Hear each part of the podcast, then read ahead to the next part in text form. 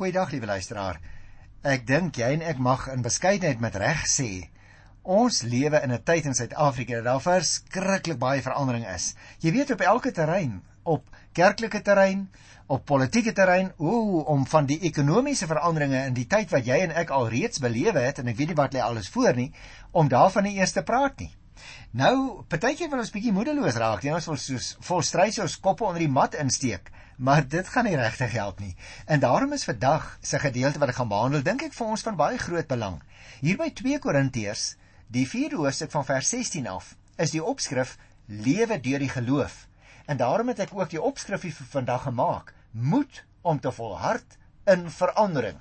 Nou, liewe luisteraar, as mense na hierdie gedeelte kyk, dan dink ek dit kom baie sterk na vore. Jy sien, nog sterker as in die voorafgaande gedeelte wat ek verlede keer behandel het, word in hierdie perikoop van vandag die vermoë van die verkondigers van die Here se woord beklemtoon om nie moed te verloor nie maar in ons verkondigingstaak te volhard. En natuurlik, dit het nie net vir Paulus gegeld nie of vir my hier agter die mikrofoon nie, ook vir jou, vir my elke Christus gelowige. Wil soms ook maar van tyd tot tyd moedeloos raak hoor, want ons kyk al meer teen die golwe vas. Nader aan sien ons net die golwe dan van ons bote sink. Nou sê die apostel, kom ek praat 'n bietjie met julle oor moed om te volhard in elke situasie. Wy sien hierby vorm die vertroue op die hoër waarde van die geestelike en die toekomstige dinge die grondslag van die vertrouensmoed en om te kan volhard. Dis interessant dat 'n mens as jy nou aan die einde van hierdie gedeelte kom wat ek nou nog gaan behandel, dat daar dan 'n konklusie gestel word, naamlik die vaste voorneme van die verkondigers om te volhard en te doen wat die Here van hulle verwag. En dit is natuurlik 'n ding, liewe luisteraar. Jy en ek fokus dikwels so sterk op die dinge rondom ons dat ons die Here nie meer in oog hou nie. En dit is presies waaroor dit gaan. Kom ek lees die eerste versie wat ek wil behandel hier by 2 Korintiërs hoofstuk 4 vir jou. Hy sê om hierdie rede word ons nie moedeloos nie. Al is ons uiterlik besig om te vergaan, innerlik word ons van dag tot dag vernuwe. Ag wonderlik. Jy sien, vanweë die vervolging en die verdrukking waaroor hy gepraat het in die voorafgaande verse, 8 vers 12 wat ek verlede keer gedoen het, sê hy is ons as apostels se liggame aan die vernietiging en selfs aan die verrotting onderworpe in hierdie wêreld. Hy sê hulle het egter 'n ander lewe as die uiterlike bestaan. In hulle, sê hy, werk die innerlike opstandingskrag van God en daarom ondanks uiterlike omstandighede sê hy word ons as apostels nie innerlik ook moeg nie want innerlik word ons voortdurend deur die Heilige Gees vernuwe.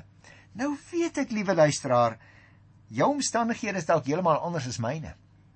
En tog ken ons almal van tyd tot tyd hierdie wat sal ek dit noem, hierdie geneigtheid, hierdie wil, hierdie lus om te sê vandag is ek sommer net lus om heeltemal tou op te gooi. ons het almal maar mos maar van tyd tot tyd probleme en situasies waarvoor ons staan en wat vir ons laat voel dat ons maar liewer wil tou opgooi as om aan te hou en aan te hou probeer. Dalk wil die Here juis ook vandag deur hierdie program met jou praat as jy baie probleme het. Jy sien, vir Paulus was daar eintlik nie so iets so stou opgooi nie. Hy het liewer geput uit sy innerlike krag. Moenie toelaat, liewe luisteraar, dat uitputting en pyn en kritiek wat jy soms hoor, jou uiteindelik dwing om moedeloos te raak en tou op te gooi nie. Kom ons wy onsself vandag by hernuwing aan die Here Jesus Christus en ons laat nie toe dat vandag se teleurstellings ons van die ewige beloning beroof nie. As ons swak is, beteken dit dat die opstandingskrag van Christus ons oomblik na oomblik kan versterk. In die uiterlike liggaam werk die innerlike opstandingskrag van God. Is dit nie waar nie? En nou sê die apostel, dit stel 'n mens in staat om voort te gaan met jou lewensroeping as Christen, ook al voel dit soms vir jou dat jy besig is om te sink en jy wil tou opgooi. Kom ek lees vers 17 en 18. Hy sê: Ons swaar kry in hierdie wêreld is maar gering en dit gaan verby. maar dit loop vir ons uit op 'n heerlikheid wat alles verreweg oortref en wat ewig bly. Ons oog is nie op die sigbare dinge gerig nie, maar op die onsigbare, want die sigbare dinge is tydelik, maar die onsigbare ewig. O luisteraar, dit is nie die aardse bestaan wat saak maak en van wesenlike belang is nie. Wat wesenlik is, is die heerlike toekoms wat hierna wag. Al is dit onsigbaar soos die apostel die woord gebruik en ontasbaar. Moet jy en ek steeds onthou is hierdie werklikheid nie ons toekoms nie. Daar is 'n nuwe wêreld van God.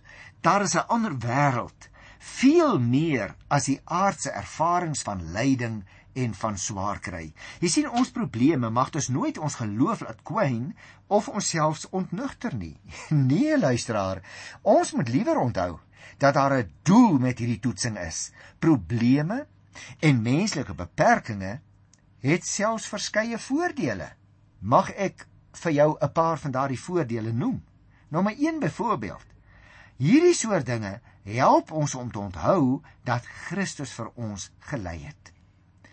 Tweedens, hierdie dinge wat ons so druk elke dag, sorg dat ons nie hoogmoedig raak nie, maar dat ons totaal afhanklik bly en dis verseker hoor. Nommer 3. Hulle verseker dat ons verder as hierdie kort lewe mag kyk. Met ander woorde, as hierdie dinge ons so druk, dan besef ons net, hoorie, as ek hierteen vaskyk, gaan ek sink en daarom kyk ek na die nuwe lewe wat die Here vir my reeds gegee het en wat nog sy volle afronding gaan bereik in die toekoms. 'n Vierde ding wat ek vir jou wil noem.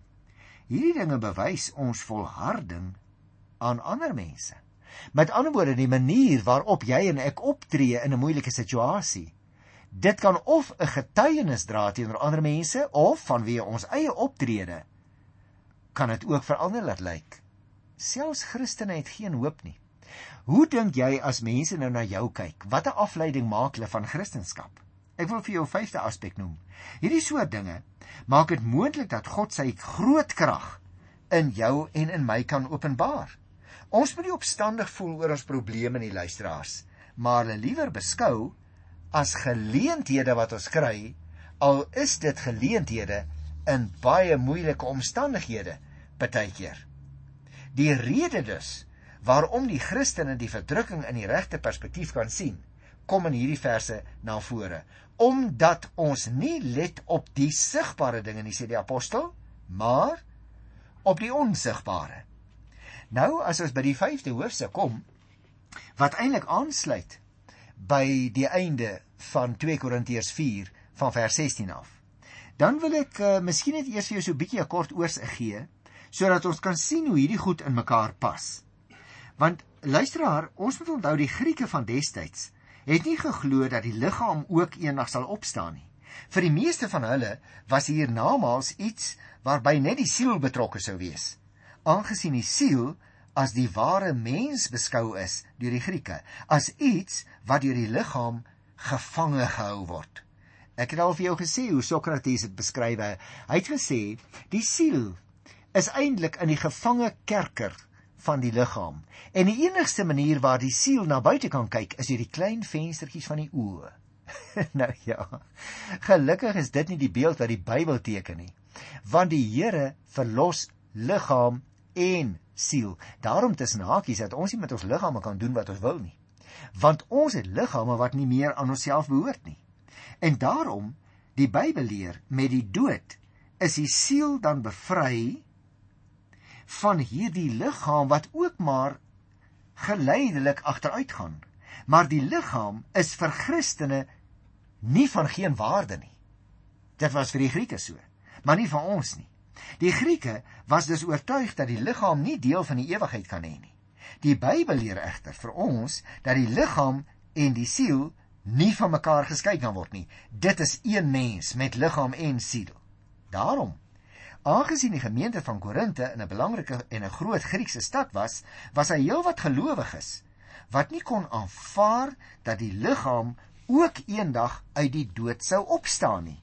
Want vanweë hulle Griekse agtergrond was daar nie ruimte vir hulle om te dink dat die liggaam ook waarde het nie.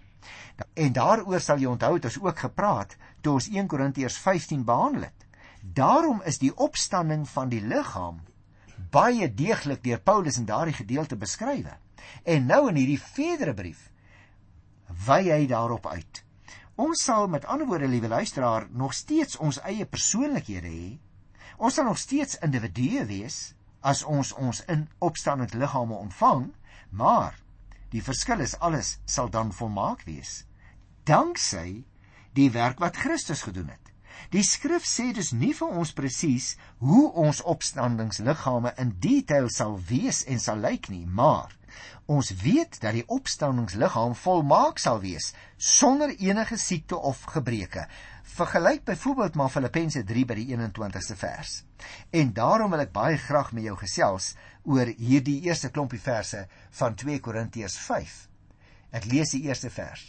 Ons weet dat wanneer ons aardse woning, wat maar 'n tent is, afgebreek word, ons 'n vaste gebou in die hemel het. Dit is 'n woning wat nie deur mense gemaak is nie, maar deur God, en dit bly ewig staan. Ek wil miskien sommer dadelik vers 2 en 3 byvoeg, want ek dink dit beskryf dit nog meer volledig. Terwyl ons in die tentwoning leef, sug ons, want ons verlang daarna om ons woning uit die hemel ons sal oordek. Ons wil nie ontklee wees nie. Ons wil nie naak voor God staan nie. Jy sien liewe luisteraar, die saak wat in die vorige hoofstuk aan die orde gekom het, word nou verder verduidelik aan die hand van twee beelde. Eers gebruik die apostel die onstabiele beeld van 'n tent teenoor die permanente vaste gebou. Nou die ons in hierdie beeldspraak is natuurlik meer omvattend as die voorafgaande gedeeltes wat ons al behandel het. Dit slaan hier nie meer op Paulus en sy medestanders alleen nie, maar dit geld die situasie van alle Christene. Kom ek sê dit andersom. Wie die aardse situasie van lyding beleef, en miskien is jy een van hulle, verlang sterk na die hemelse bestaan. Nou is daar natuurlik 'n gevaar in, liewe luisteraar, want dit kan ons 'n bietjie na 'n pie in the sky klink. Met ander woorde dat ons die werklikheid wil ontsnap deur wanneer dit met ons moeilik gaan vashou as dit ware aan die nuwe toekomstige werklikheid. Maar dit is nie Paulus se bedoeling nie. Die apostel sê in hierdie situasie moet ons onthou, het ons alreeds die gees van die Here wat in ons woon wat ons bystaan. Totdat die sigbare dinge dus verbygaan, woon ons om sy beeld te gebruik in 'n aardse tentwoning en tot die onsigbare ewige dinge, naamlik ons huis in die hemele. Daaroor droom ons. Hoekom? Want die Bybel sê ons mag. En dat dit die geval is, sê die apostel in die eerste vers, weet ons. En weer eens, luisteraar, gaan dit om 'n saak van die geloof. Maar juis daarom 'n saak waaromtrent die gelowige volstrekte sekerheid besit. Ons hoef dus nie daarvan onseker te wees nie, want dit staan hier geskrywe met die gesag van die hemel. Nou as 'n mens nou kyk van vers 6 tot by vers 8, luister nou. Daarom, hoekom sal hy sê daarom?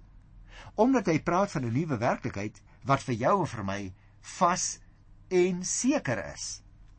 Ek lees dit dus by vers 6. Daarom is ons altyd volmoed. Ons weet dat solank ons in die liggaam bly, ons nog nie by die Here woon nie. Nou, dit is natuurlik 'n feit soos 'n koei lewe luisteraar, jy en ek sal dit vir mekaar sê. Ons ervaar bloot deur ons daaglikse lewe dat ons nog glad nie by die Here is en woon in 'n nuwe situasie nie. Jy sien hierdie vertaling, hierdie vers 4 laat 'n mens miskien dink aan die sugting en die bedruktheid van die wat nog die aardse bestaan belewe wat selfs daaraan te wyte is dat hulle nie van die aardse lewe wil afstand doen nie. Het jy al sulke mense teëgekom? Ek was gister by iemand wat sê broer Johan, Uh, dis nou nou wonderlik hierdie dinge wat die Bybel aan ons voorhou dat ons enige ewige lewe gaan hê. Maar sê die dame, ek wil nie nou al doodgaan nie. Ek wil nog eers sien hoe my kleinkinders gaan groot word. Ek wil nog eers hierdie nuwe stoep wat ons aangebou het sou pas. Jy sê die kleinkinders lekker kan speel as hulle kom kuier. Ek wil self nog eers 'n bietjie daai stoep geniet. Nou liewe luisteraar, as ons mag ek sê die heerlikheid van 'n nuwe stoep. Mag ek sê die vreugde wat ouers het en grootouers het oor kleinkinders. As ons dit begin opweeg teenoor die heerlikheid van die hiernamaals, dan slaan ons die bal baie baie ver mis. Want ons is nou besig om appels met pere te vergelyk. Jy kan nie eers die ding in hierdie wêreld die beste ding in hierdie wêreld wat jy sou ken al is dit jou kleinkinders. Jy kan dit nie eers vergelyk met die heerlikheid waarvan die Bybel praat in die toekomstige werklikheid nie. Daarom is dit belangrik dat ons as ons hierdie 6ste versie lees, daarom is ons altyd vol moed. Ons weet dat ons solank ons in die liggaam bly, nog nie by die Here woon nie. Maar dit moet ons dus nie daarvan weerhou, liewe luisteraar, dat ons die heerlikheid wat op ons wag uit perspektief en uit die oog gaan begin verloor nie want jy sien die uitsig op die toekomstige heerlikheid het 'n baie baie praktiese uitwerking op ons daaglikse lewe. Juis daardie nuwe werklikheid wat ons vorentoe trek, dit dien as 'n spoorslag om in alles die Here welbehaaglik te wil wees. Daartoe is die eerste vereiste dat ons altyd goeie moed sal hê. En dit is baie belangrik want ons leef soms in 'n uitsiglose wêreld in 'n wêreld waarin mense vir mekaar sê maar daar's niks meer oor om voor te lewe nie. Haai wie dis nie waar nie. Die volle heerlikheid van God waarvan die Bybel ons vertel. Dit maak juis ons sukkel bestaan soms in hierdie wêreld. Sinvol dat ons in hierdie wêreld teenoor ander mense wat baie swaar kry, baie swaarder as jy en ek soms terwyl ons so kla, dat ons vir hulle kan hoop gee om ook hulle oë te draai bokant die golwe van die oomblik bokant hierdie werklikheid dat ons hulle ook kan draai bokant die horisonne van hierdie wêreld om die volle sonskyn van God waarvan hy praat om dit so lank te begin sien met die oog van die geloof. Daarom het ons hierdie vasheid wat ons in onsself omdra en wat getuienis kan inhou ook vir ander mense. Luister na vers 7 Ons lewe deur geloof, nie deur sien nie. Dit is dus die rede, liewe luisteraar, waarom die geloof so belangrik is. As ons soms wil vasdraai in hierdie wêreld en ons sê vir onsself daar is nie uitsig nie, dan gaan ons nie volhard uit onsself nie. Dan gaan ons nie wanneer alle dinge rondom ons besig is om te verander, die geestelike krag hê om te kan volhard nie. Maar nou sê die apostel deur die geloof word dit moontlik om uit te gryp om die arm van die geloof uit te steek bokant jou eie werklikheid. In die aardse bestaan word ons lewe en ons wandel deur die geloof gedra. In die geloof is Christus ons eiendom en ons is die eiendom van Christus. Daarom het ons nou reeds vrede met God. Daarom weet ons nou reeds ons is burgers van hierdie nuwe hemelse ryk wat ons in sy volheid eendag gaan erf maar ja, maar wat ons reeds in beginsel ontvang het. Jy sien hierdie geloof het die volle heil in Christus ons deel geword. Ons gaan nie eendag gered word nie. Ons is nou reeds gered. En daarom het ons ook 'n getuienis teenoor mense wat nie meer uitsig het nie. Het ons 'n getuienis om teenoor hulle te lewer en die paaltjie van die geloof ook aan hulle deur te gee. Luister so 'n bietjie hierso na vers 9. Maar of ons hier woon of daar woon, ons het net een wens. En dit is om te lewe soos God dit wil. Nou hierdie is 'n uiters belangrike vers, liewe luisteraar. Nou ja, alles is belangrik, maar ek wil nie hê dat ons hierdie een sal miskyk nie. Hoekom sê ek dit? Want mense kan nou sê ja, jy kan nou maklik praat. Maar Dit is er eintlik 'n bietjie pie in the sky, weet jy nie? Dan kan ons antwoord: Nee, dit sal vir ons beter wees om daar te woon. Dit is ook ons wens. Maar nou is dit ons verantwoordelikheid om te lewe soos hy dit wil hê. En daarom sien jy, liewe luisteraar, die lewe, mag ek dit so uitdruk, die lewe aan hierdie kant van die graf word deur die Bybel gebind aan die lewe aan die ander kant van die graf omdat ons hoop en omdat ons glo. Nee, kom ek sê dit nog sterker. omdat ek weet daar is vir my 'n bestaan by God ook nadat ek gesterf het. Is dit mos 'n geweldige ding wat my vorentoe trek, wat my in 'n sekere sin ook uittrek in die moeilike omstandighede van my oomblik. Daarom, liewe luisteraar, hoewel ek nie jou omstandighede ken nie, wil ek jou oë draai ander kant die horison van die tyd. Wil ek vir jou herinner, want dit is wat die Bybel ons leer om te doen. Wil ek jou herinner aan die groot toekoms wat wag. Mag ek vir jou 'n vragie vra? Hoe sien jy al die verandering rondom jou elke dag? Maak dit jou ook soms bedruk? Weet jy luisteraar, hierdie verse wat ons vandag behandel, dit gee van ons perspektief juis wanneer ons onseker word oor wat die toekoms inhou. Die Bybel sê vir ons, die nuwe werklikheid, die nuwe lewe in die teenwoordigheid van die Here. Die detail word nie in die Bybel gesê nie, dit is waar. Maar wie dit maak nie meer saak nie. As my oog vol is van hierdie nuwe werklikheid, dan kan ek ook moed hou in my eie situasie. Een ding is natuurlik waar en seker. Dis moeilik om al die detail oor die toekoms te weet. Verandering en onsekerheid het in 'n sekere sin ons lewens bestaan geword in hierdie tyd waarin jy en ek in die geskiedenis bestaan. Op bykans el, elke terrein dit dit is net alles besig om te verander rondom ons. En wat is ons reaksie? As gevolg van al hierdie veranderinge en onsekerhede, sal sommige mense ontvlugting soek in oormatigheid, of dit nou drank is of musiek of dwelms. Ander sal uitvlug soek in musiek en dans en feesvier. Ek sê nie dis verkeerd nie. Nog ander vind in fiksie 'n uitvlug. Daarom gaan sommige mense ure lank voor die televisie sit as hulle aan by die huis kom. Ander gaan na films kyk. Party sal hulle koppe soos vol truise in die stand wil steek en liewer oor niks bekommerd wil wees nie. Hulle wil niks hoor nie. Hulle wil niks sien van hierdie werklikhede nie. Nou luisteraar, baie Christene sal terugkruip in die veilige skulp van geloof en hoop en liefde en liewer nie 'n tree versit nie. Baie Christene sit regtig net en wag. nou mekaar. Uh 'n drukte gee elke dag sal waarskynlik baie populêr wees in ons tyd, né? Want wie weet of ons mekaar môre weer gaan sien, sê ons mekaar. Want ja, een ding staan vas, dink ek, luisteraar. Die tempo van verandering en onsekerheid het toegeneem. En daarom is dit so wonderlik dat Paulus juis in vandag se verse vir ons verduidelik dat die Here aan ons die skat toevertrou het juis omdat die Heilige Gees ons deel geword het. Liewe luisteraar, juis daarom kan ons met vreugde en met blydskap in elke situasie lewe. En daarom die twee beelde wat die apostel gebruik het in vandag se gedeelte. Daar's eers die aardse woning en daarteenoor dan die hemelse woning. Hy sê selfs dat ons wat in 'n tentwoning is, daar in vers 4 sug en bedruk voel omdat ons nie vir die aardse liggaam afstand wil doen nie.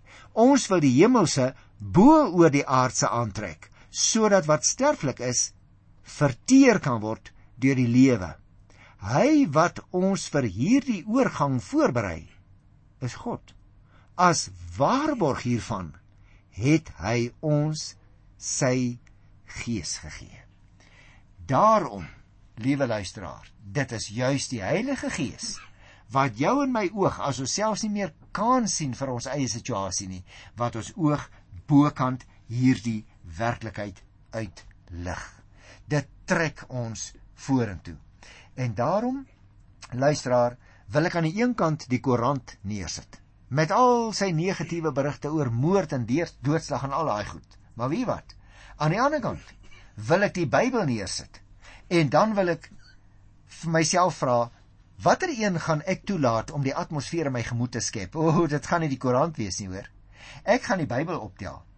Daarom gaan ek nie my soveel aan die koerant steur nie, liewe luisteraar, want die koerant spekuleer maar net. Die koerant skryf vir ons die gedagtes van mense oor wat hulle dink oor die goudprys en die rand-dollar verhouding, oor die toekoms, hoe gaan die toekoms lyk? O oh, nee, ek wil die Bybel oopmaak want die Bybel praat van die nuwe werklikheid van God. En daarom, daarom liewe luisteraar, het jy en ek moed om te volhard te midde van al die verandering. Ek groet jou tot volgende keer in die naam van die Here wat die wenteling van die seisoene in sy hand hou. Tot dan. Totsiens.